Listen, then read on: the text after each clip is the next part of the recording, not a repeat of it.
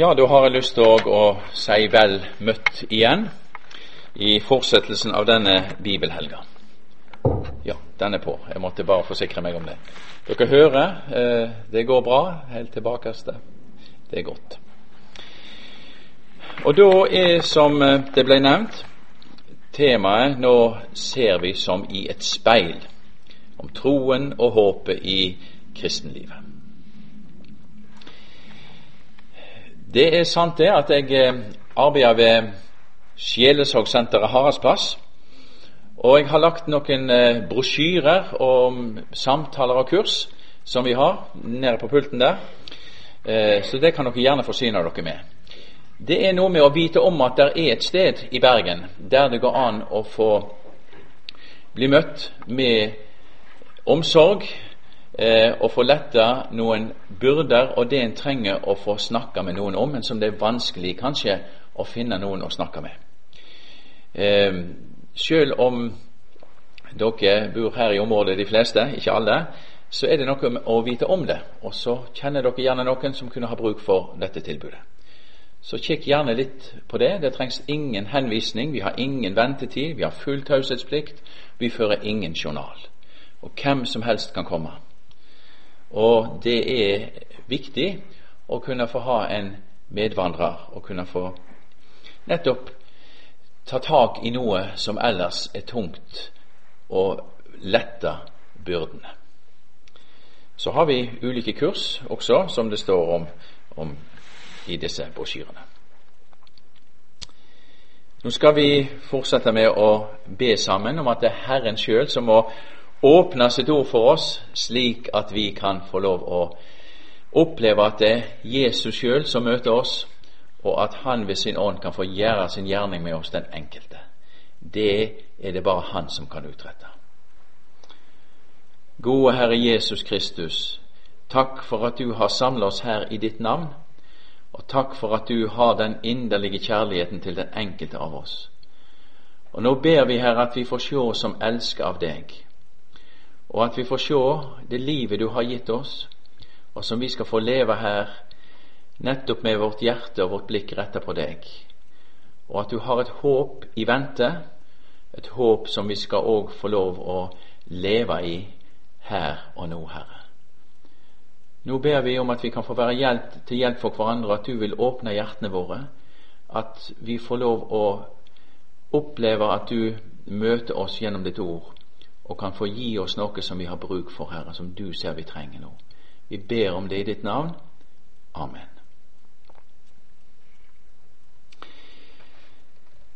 Jeg har som i går laga til noen knagger og disposisjoner. De ligger på et eh, stolsete der. Har du en sjanse bare å, å spre de litt? Grann? Det skal være nok til alle disposisjoner. Og hvis eh, du som sitter på galleriet har lyst på en disposisjon, så er det her nede. det er opp til deg. Det er noe med å få ha følge i det som vi beveger oss inn i, og så er det opp til dere sjøl om dere bare legger disposisjonen til sides hvis det bare er et heft, eh, eller om vi skal eh, ta det sammen sånn steg for steg. Eh, nå er det tatt med en god del skriftord og skrifthenvisninger her. Det er ikke alle jeg får gått inn på så mye, og noen blir gjerne stående igjen. Men det er nettopp for at òg dere kan kikke på dette nærmere, egentlig. Så er det skrifthenvisninger og, og begrunnelser ut ifra Skriften.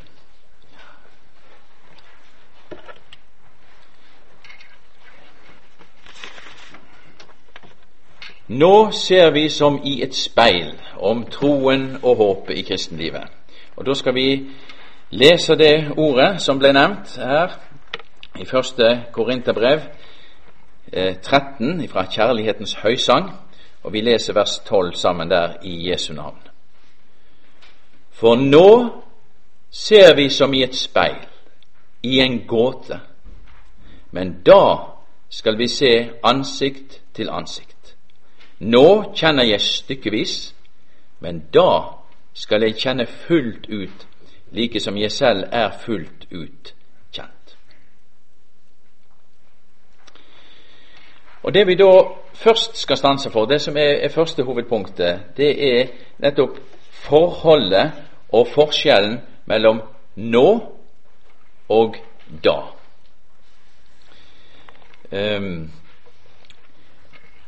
nå ser vi som i et speil. Jeg vet ikke, Det er kanskje litt rart å spørre om det, men, men jeg gjør det likevel. Det er mulig at noen av dere har vært på tivoli noen gang. Uh, enten sjøl eller med ungene, eller ja. Jeg har vært det nettopp med når ungene var små. Og det som, jeg, eh, som, var noe av det artigste der, det var også å se seg sjøl i disse her tivolispeilene. Jeg vet ikke om dere har vært borti det. Der det var veldig sånne ujevne flater, og som førte da til at halsen ble veldig lang, og kroppen ble sammentrykt, og ørene stod ut, og munnen ble skeiv, og eh, en ble tynn som en fyrstikk eller svær som en potetsekk. Alt ettersom hva speil en så seg i. Til alt blei forvridd, og alt blei helt annerledes enn den en var. Til det ugjenkjennelige og til det komiske. Nå ser vi som i et speil, sier apostelen. Speilene på Paulus' tid var i bronse eller kobber. Det var et problem å få klare, glatte speilflater. Og Dermed så, så de ikke klart. Og Speilbildet ble dessuten fordreid ofte i forhold til virkeligheten på grunn av de ujevne og de ruglete speilflatene. De var akkurat som disse tivolispeilene uten rette flater. Og slik er det faktisk. Det vi ser omkring oss, er et speilbilde av den kommende virkelighet, av håpet. Har du tenkt på det? Det vi ser, er på mange måter speilvendt, motsatt. Forgjengelighet, sykdom, lidelse, ondskap, urettferdighet, død. Vi ser nå som i en gåte. Løsningen er skjult. Vi forstår ikke hva det vi skal bety, og hvorfor det skal være slik. Men, og i motsetning til og til forskjell fra det vi ser nå, da, når håpet oppfylles, virkeliggjøres og avdekkes, skal vi se ansikt til ansikt. Og Det betyr at vi skal se direkte og umiddelbart. Sløret er borte, det gåtefulle får sin forklaring, det skjulte er avdekka og klart. Da opplever vi virkeligheten, ja, selve sannheten. Da er vi tilbake i paradiset, i Edens hage, som vi ble utestengt fra. Da opplever vi virkeliggjørelsen og oppfyllelsen av det levende håpet. Uforgjengelighet, heilhet og helbred, ingen synd, ingen skam skal være mer, ingen ondskap, ingen død. Og ved Jesu Kristi oppstandelse, ja, ved Jesu Kristi legemlige oppstandelse fra de døde, så er vi ved dåpen og troen på Han gjenfødt til dette levende håpet. Vi har gått over fra døden til livet. Da en gang skal vi oppleve oppfyllelsen av nettopp dette. Kristus er førstegrøden, står det i oppstandelseskapittelet i 1. Korinterbrev 15. Resten av grøden skal dermed bli av samme slag. Vi skal bli Han like, for vi skal se Ham som Han er, står det i 1. Johannes brev 5, 2. Det skal vi, skal vi lese akkurat det verset. Eh, ikke 5-2, men i 3-2, mener jeg. 1. Johannes brev 3-2. Mine kjære, nå er vi Guds barn, og det er ennå ikke åpenbart hva vi skal bli. Vi vet at når Han åpenbares, da skal vi bli ham like, for vi skal se ham som han er. Da har vi del i det samme herlighetslegemet. Og Derfor så er det ikke rart at apostelen Paulus i sitt første brev bryter ut i lovprisning og takk med dette for øye. 1. Peters 1, brev 1. Lovet være Gud, vår Herre Jesu Kristi Far, som etter sin store miskunn har gjenfødt oss til et levende håp ved Jesu Kristi oppstandelse fra de døde. Og dette levende håpet, det er en arv. Til en arv som er uforgjengelig og uflekket og uvisnelig, og som er gjemt for dere i himlene. Dere som i Guds makt blir holdt oppe ved tro til den frelse som er ferdig til å bli åpenbart i den siste tid. Det levende håpet er en arv. Vi arver alt det som er resultatet av Jesu død og oppstandelse. Denne arven er ennå ser vi ikke med vårt øye. Den er gjemt for oss i himlene. Den er skjult og oppbevart, tatt vare på for oss, en arv som vi har i vente. Og Denne arven, det er den fullkomne frelse. Frelse betyr egentlig både utfrielse gjennom en stedfortreder og et helt nytt liv. Og Det er nettopp det vi har del i i Jesus Kristus. Og dette livet skal, er skjult med Kristus i Gud nå, nå, men da en gang skal det bli åpenbart. Og Det er det apostelen eh, virkeliggjørelsen av det apostelen eh, Johannes peker på i åpenbaringen 21. Og jeg så en ny himmel og en ny jord. Det betyr egentlig et helt nytt skaperverk. Uttrykket himmel og jord betyr helheten, totaliteten av alt det skapte. Og jeg så en ny himmel og en ny jord, for den første himmel og den første jord var veket bort, og havet er ikke mer. Og jeg så det, den hellige stad, det nye Jerusalem, det er altså den frelse som er gjemt i himlene for oss, stige ned ut av himmelen fra Gud, gjort i stand som en brud som er prydet for sin brudgom. Kan du tenke deg noe så vakkert? Fra troen hørte jeg en høy røst som sa, Se, Guds bolig er hos menneskene. Han skal bo hos dem, og de skal være hans folk, og Gud selv skal være hos dem og være deres Gud. Han skal tørke bort hver tåre fra deres øyne, og døden skal ikke være mer, og ikke sorg, og ikke skrik, og ikke pine skal være mer, for de første ting har veket bort.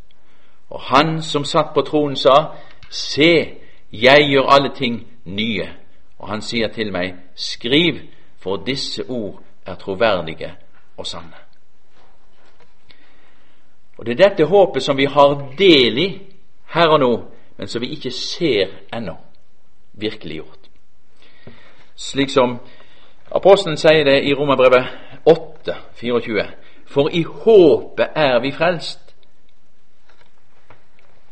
Men et håp som en kan se, er ikke noe håp. Hvorfor skulle en håpe på det en allerede ser? Men dersom vi håper på det vi ikke ser, da lengter vi etter det med tålmodighet. Med utholdenhet i å klynge oss fast til Guds løfter, betyr egentlig det. Og Da må vi se litt nærmere på, når vi har sett litt på dette forholdet mellom og forskjellen mellom nå og det som en gang skal bli da, så må vi se litt nærmere nettopp da på sammenhengen mellom troen som vi lever i nå, og håpet som vi òg har del i nå, men som en dag skal virkeliggjøres fullt ut. Det blir det andre hovedpunktet. Sammenhengen mellom troen og håpet. Troen, og det dreier seg om troen på Jesus, Guds sønn, vår frelser. Denne troen, denne tilliten til Han, tilflukten til Han, den har sin forankring i håpet. Den har ikke sin forankring i forgjengeligheten og i døden, men i det som er sikrere enn døden, i håpet som er grunnlagt på Jesu Kristi oppstandelse fra de døde. Det som vi leste i 1. Peters brev 1. Så troen den bygger ikke på en slags luftspeiling om et eller annet som kanskje vi drømmer om og skal se og oppleve en gang, men troen bygger på Guds frelsesgjerning, på Jesu døde oppstandelse som historiske kjensgjerninger. Har ikke dette virkelig skjedd, så er troen ingenting og tom og et bedrag og uten innhold. Det avgjørende er at dette faktisk har skjedd. Gi Guds frelsesgjerninger. Det er historiske kjensgjerninger. Og slik er det òg med alt det som, som Guds frelsesgjerninger gir oss del i, nemlig håpet om en annen verden. Den frelse som er gjemt for oss i himlene, er òg en virkelighet, og ikke bare en drøm og en utopi og en luftspeiling. Troen innebærer da at jeg bøyer meg for, er lydig mot sannheten, som jo er det samme som å være lydig mot virkeligheten. 1. Peters brev 1, 22 taler nettopp om å være lydig mot sannheten.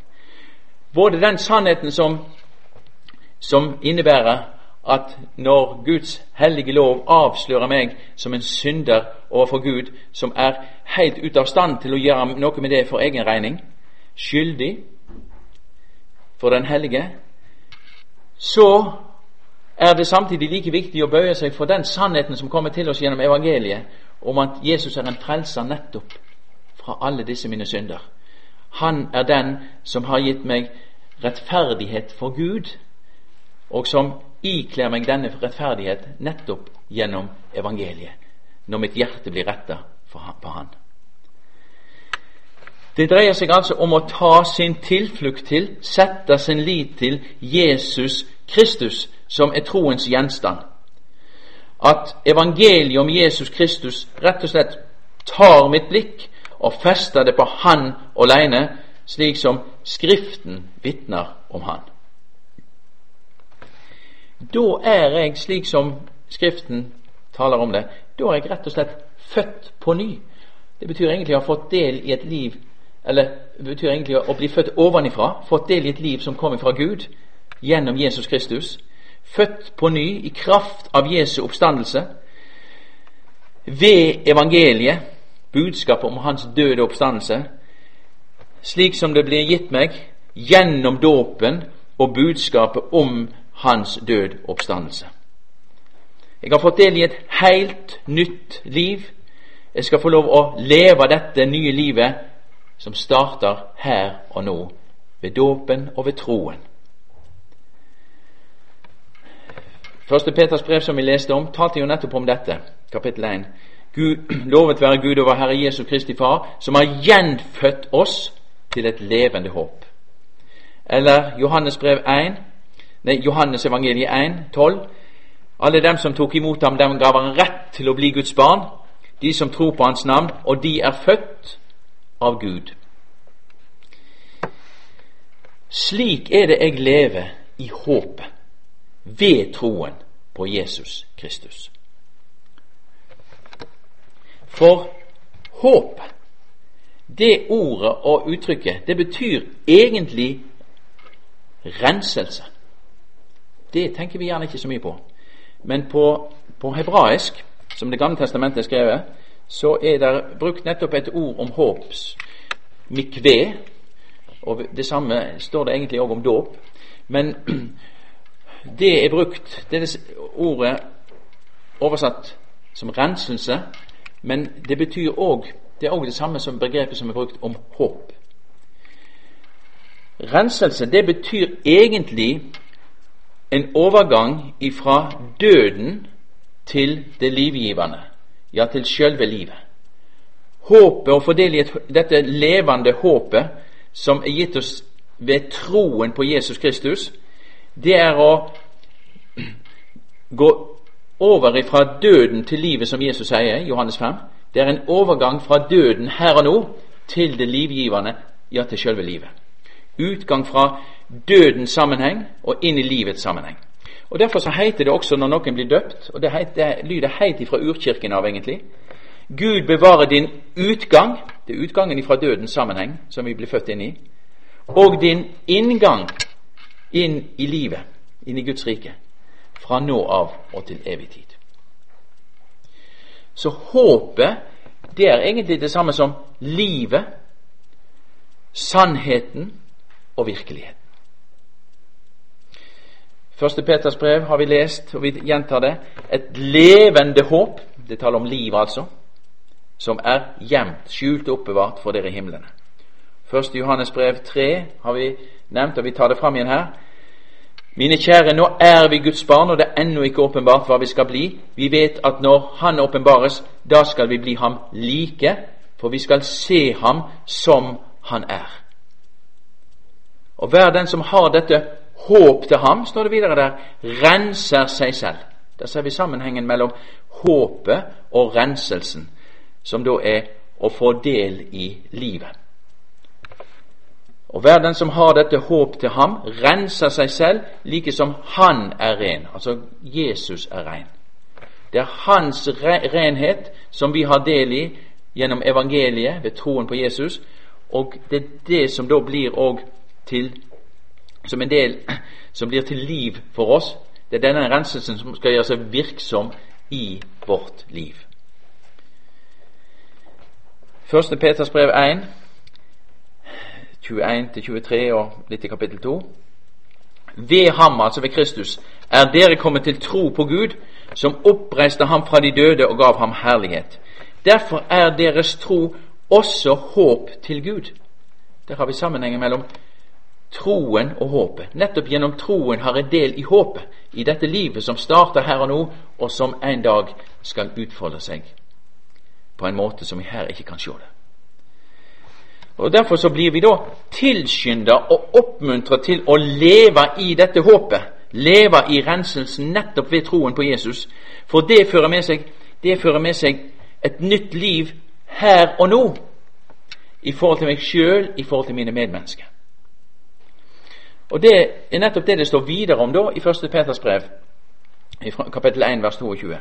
Rens da, altså la dette leve i dette livet slik at det blir videre til liv. Rens da deres sjeler i lydighet mot sannheten, slik den er gitt oss i Guds ord, til oppriktig broderkjærlighet. Ved å leve i denne renselsen som vi har utenom oss i Jesus Kristus, og slik leve i det livet, i det håpet Han har gitt oss, så blir denne renselsen virksom i oss på en måte at kjærligheten som vi lever av gjennom Jesus og er under, den kommer til uttrykk oss imellom. Til oppriktig broderkjærlighet. Vi blir sanne, vi blir ekte, og det er den samme omsorgen vi lever under, renselsen, som blir andre til del. Og som her står videre elsk hverandre inderlig av hjertet. Det er en kjærlighet vi ikke har, men som er i Gud, og som er gitt oss i Jesus, og som Jesus tar bolig i vårt hjerte med ved sin Hellige Ånd. Bor ved troen i vårt hjerte. Det er å leve i renselsen, og det er å leve i håpet her og nå. Det er jo dette livet som, som da òg nettopp er det sanne menneskelivet.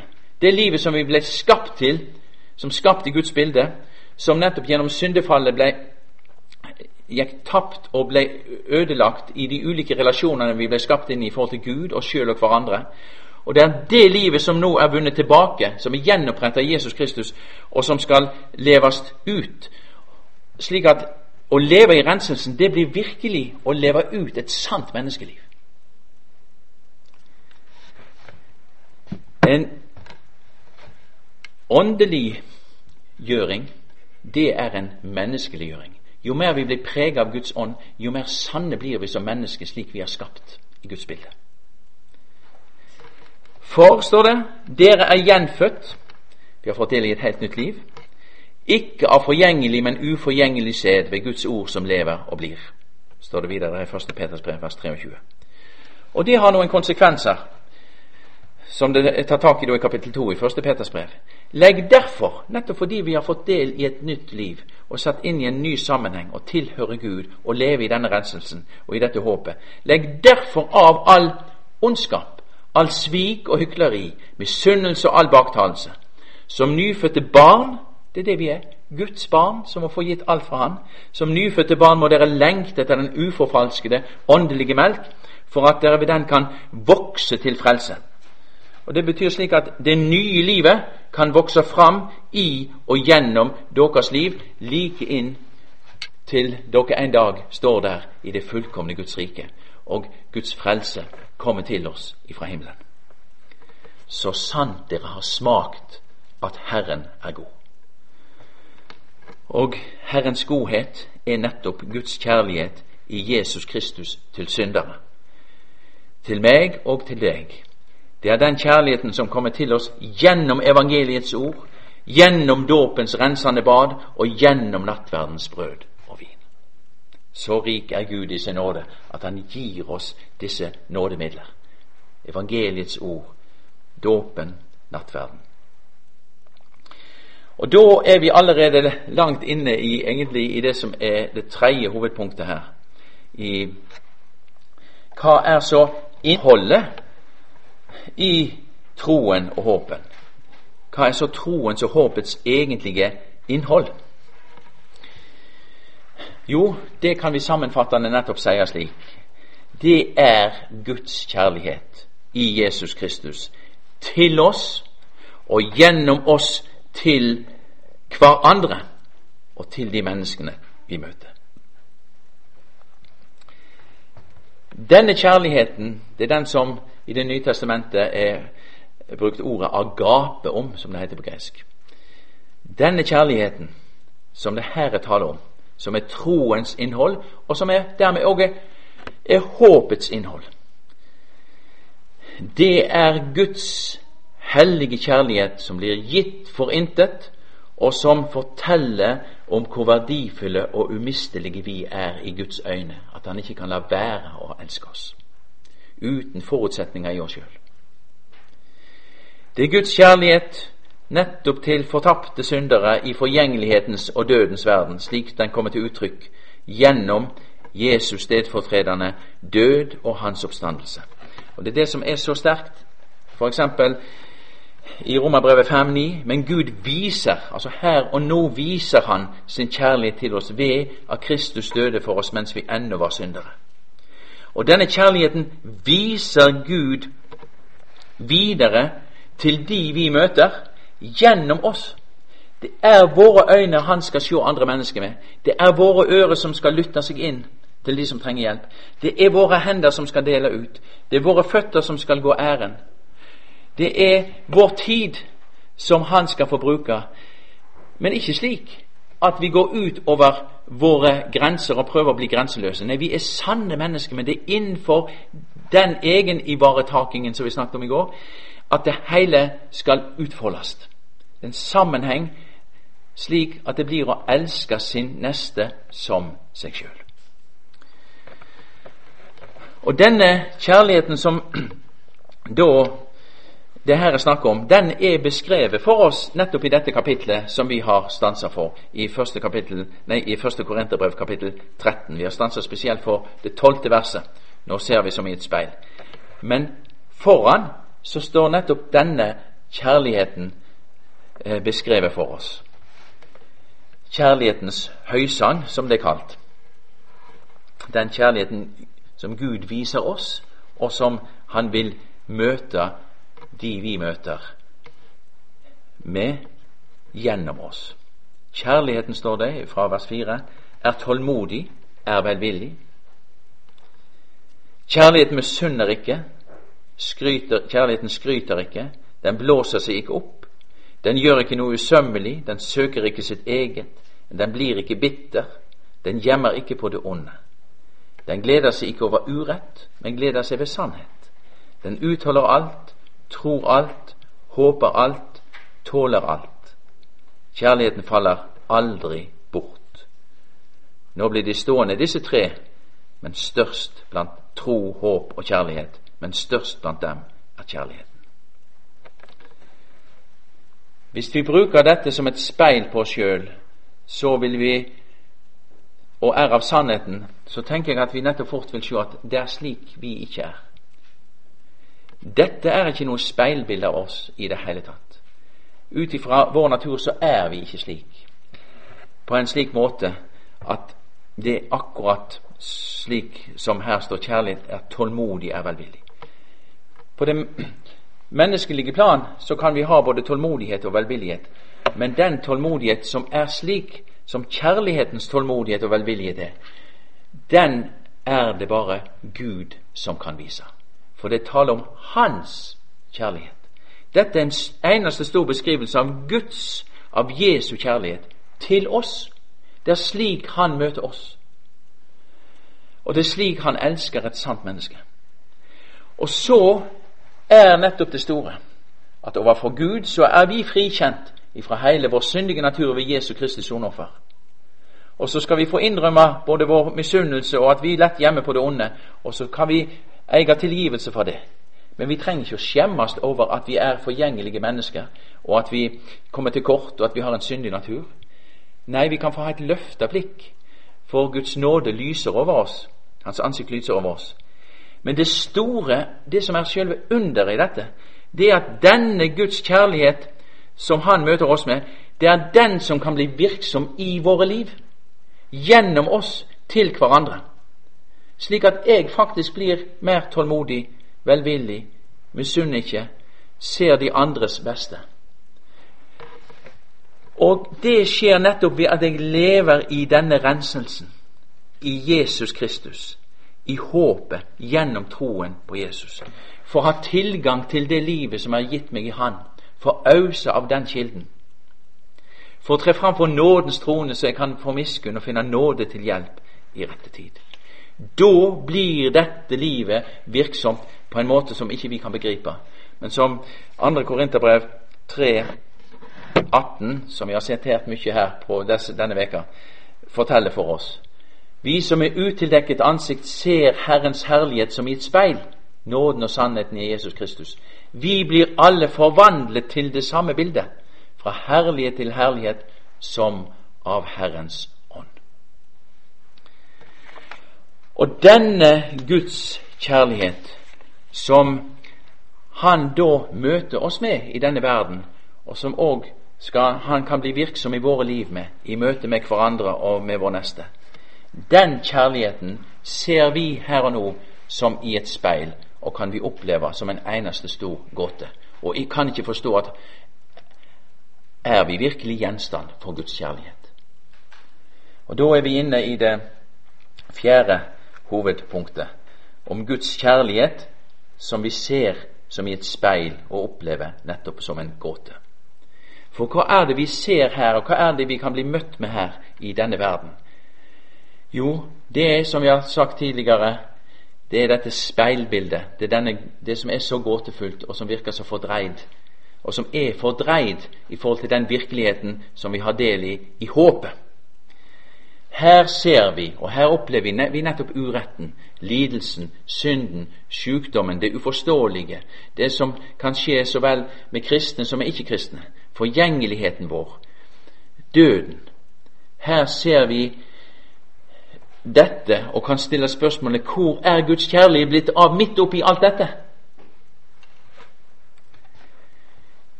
Det er bare det at gjennom og i alt dette som jeg ser og opplever nettopp i denne verden, og i dette speilbildet, så er jeg hele tiden omgitt av Guds kjærlighet og omsorg. Det er ingenting som kan skille meg ifra den. Sjøl om den synes langt borte. Sjøl om det oppleves som om Gud har glemt meg.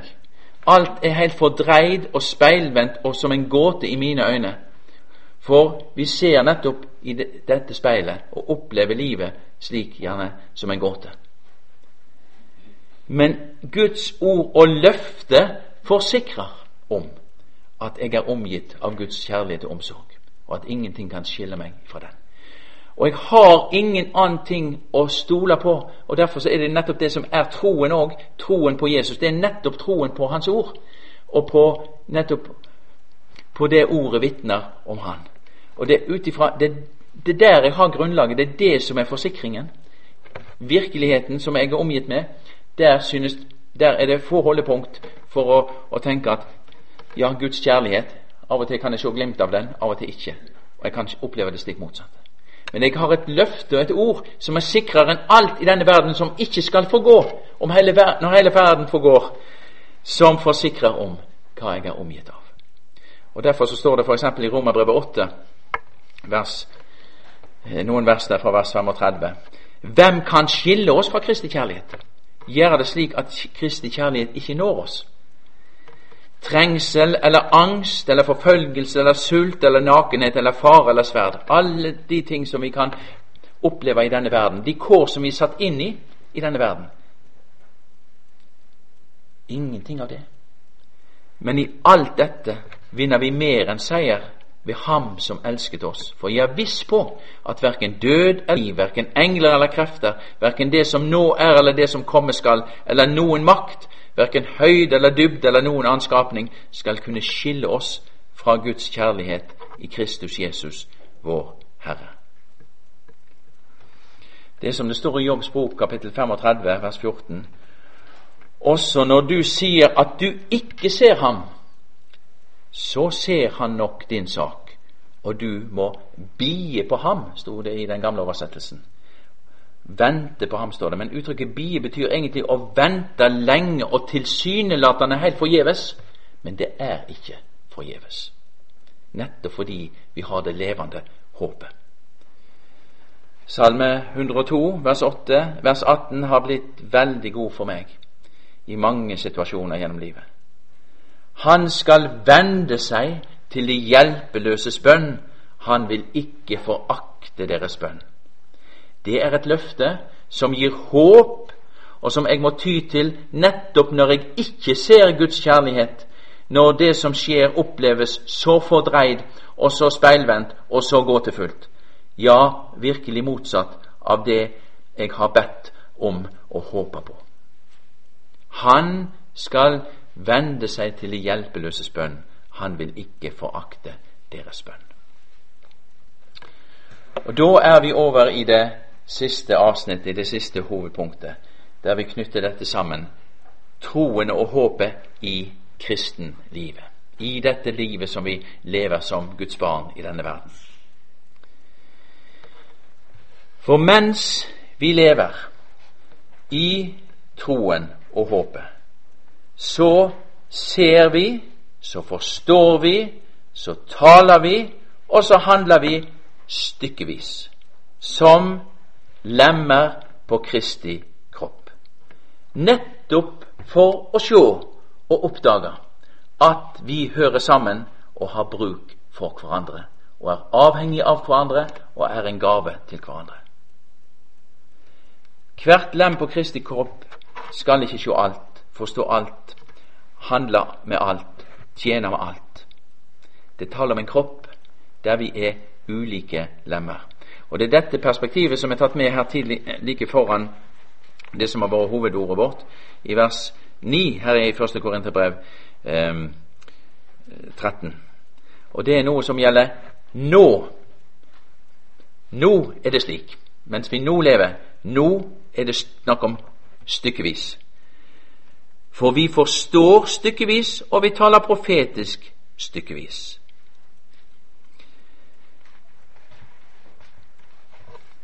Det gjør vi nettopp som lemmer på Kristi legeme. Det er sammenhengen som dette kapitlet er satt inn i. Nettopp i kapittel 12 foran så det taler om Kristi kropp, om Kristi lemmer i funksjon. Om ulike nådegaver, tjenester, gjerninger som Gud, der Gud har nettopp satt oss på Kristi kropp ved troen på Jesus på en slik måte at vi skal få lov å utfylle hverandre og tjene hverandre. Det er en helhet. Vi har del i den samme Guds ånd som er virksom gjennom alle lemmene, og det er dermed en forskjellighet. En enhet og en forskjellighet i dette. Og Så kommer kapittel 13 som taler om at nettopp nådegavene, tjenestene, all denne utfoldelsen av det vi skal være, så, det er som skal uten innhold, hvis ikke det er nettopp dette livet som vi har i Jesus Kristus, denne kjærligheten som vi lever av i Han, hvis ikke det er den som får utfolde seg i forhold til hverandre, så blir det hele som skal uten innhold. Men nettopp dette at vi som lemmer på Kristi kropp, at vi forstår da stykkevis, det gir mulighet nettopp for et kristig legeme med mange lemmer i funksjon, der Gud sjøl virker ved sin ånd. Som det står i 1. Korinterbrev 12, vers 11. For alt dette, da det nevnt de ulike tjenester og oppgaver bare som eksempel på det, hva det kan være. Alt dette virker den ene og samme ånd, som deler ut til hver enkelt ettersom Han vil. Og På den måten er det vi kan oppdage at vi trenger hverandre, vi skal få utfylle hverandre. Ja, Vi skal få lov å gjenspeile Guds kjærlighet til hverandre. Så nydelig er det. Sånn som det står i 2. Korinterbrev 4,6. For Gud som bød at lys skulle skinne fram i mørket, han har også latt lyset skinne i våre hjerter, for at kunnskapen om Guds herlighet i Jesu Kristi åsyn skal lyse fram. Lyse fram. Den lyser inn i vårt hjerte, så den skal lyse fram fra oss. Nåden og sannheten som er gitt oss i Jesus Kristus. Skal slik få lyse fram gjennom et sant menneske. Men som sanne mennesker med forgjengelighet og med begrensninger, så er vi som leirkar. og Derfor så kommer fortsettelsen. Men vi har denne skatt i leirkar for at den rike kraft skal være av Gud og ikke av oss selv. Det er noe befriende i det. Da trenger ikke vi å gjøre oss ut for å være noe annet enn det vi er. og Vi skal få være akkurat de vi er. Men dette leirkaret kan inneholde en veldig skatt nettopp ved at lyset skinner i våre hjerter. Evangeliets lys. Jesus har tatt bolig der. Og da kan vi få lov å regne med at da er Han virksom med sin kraft.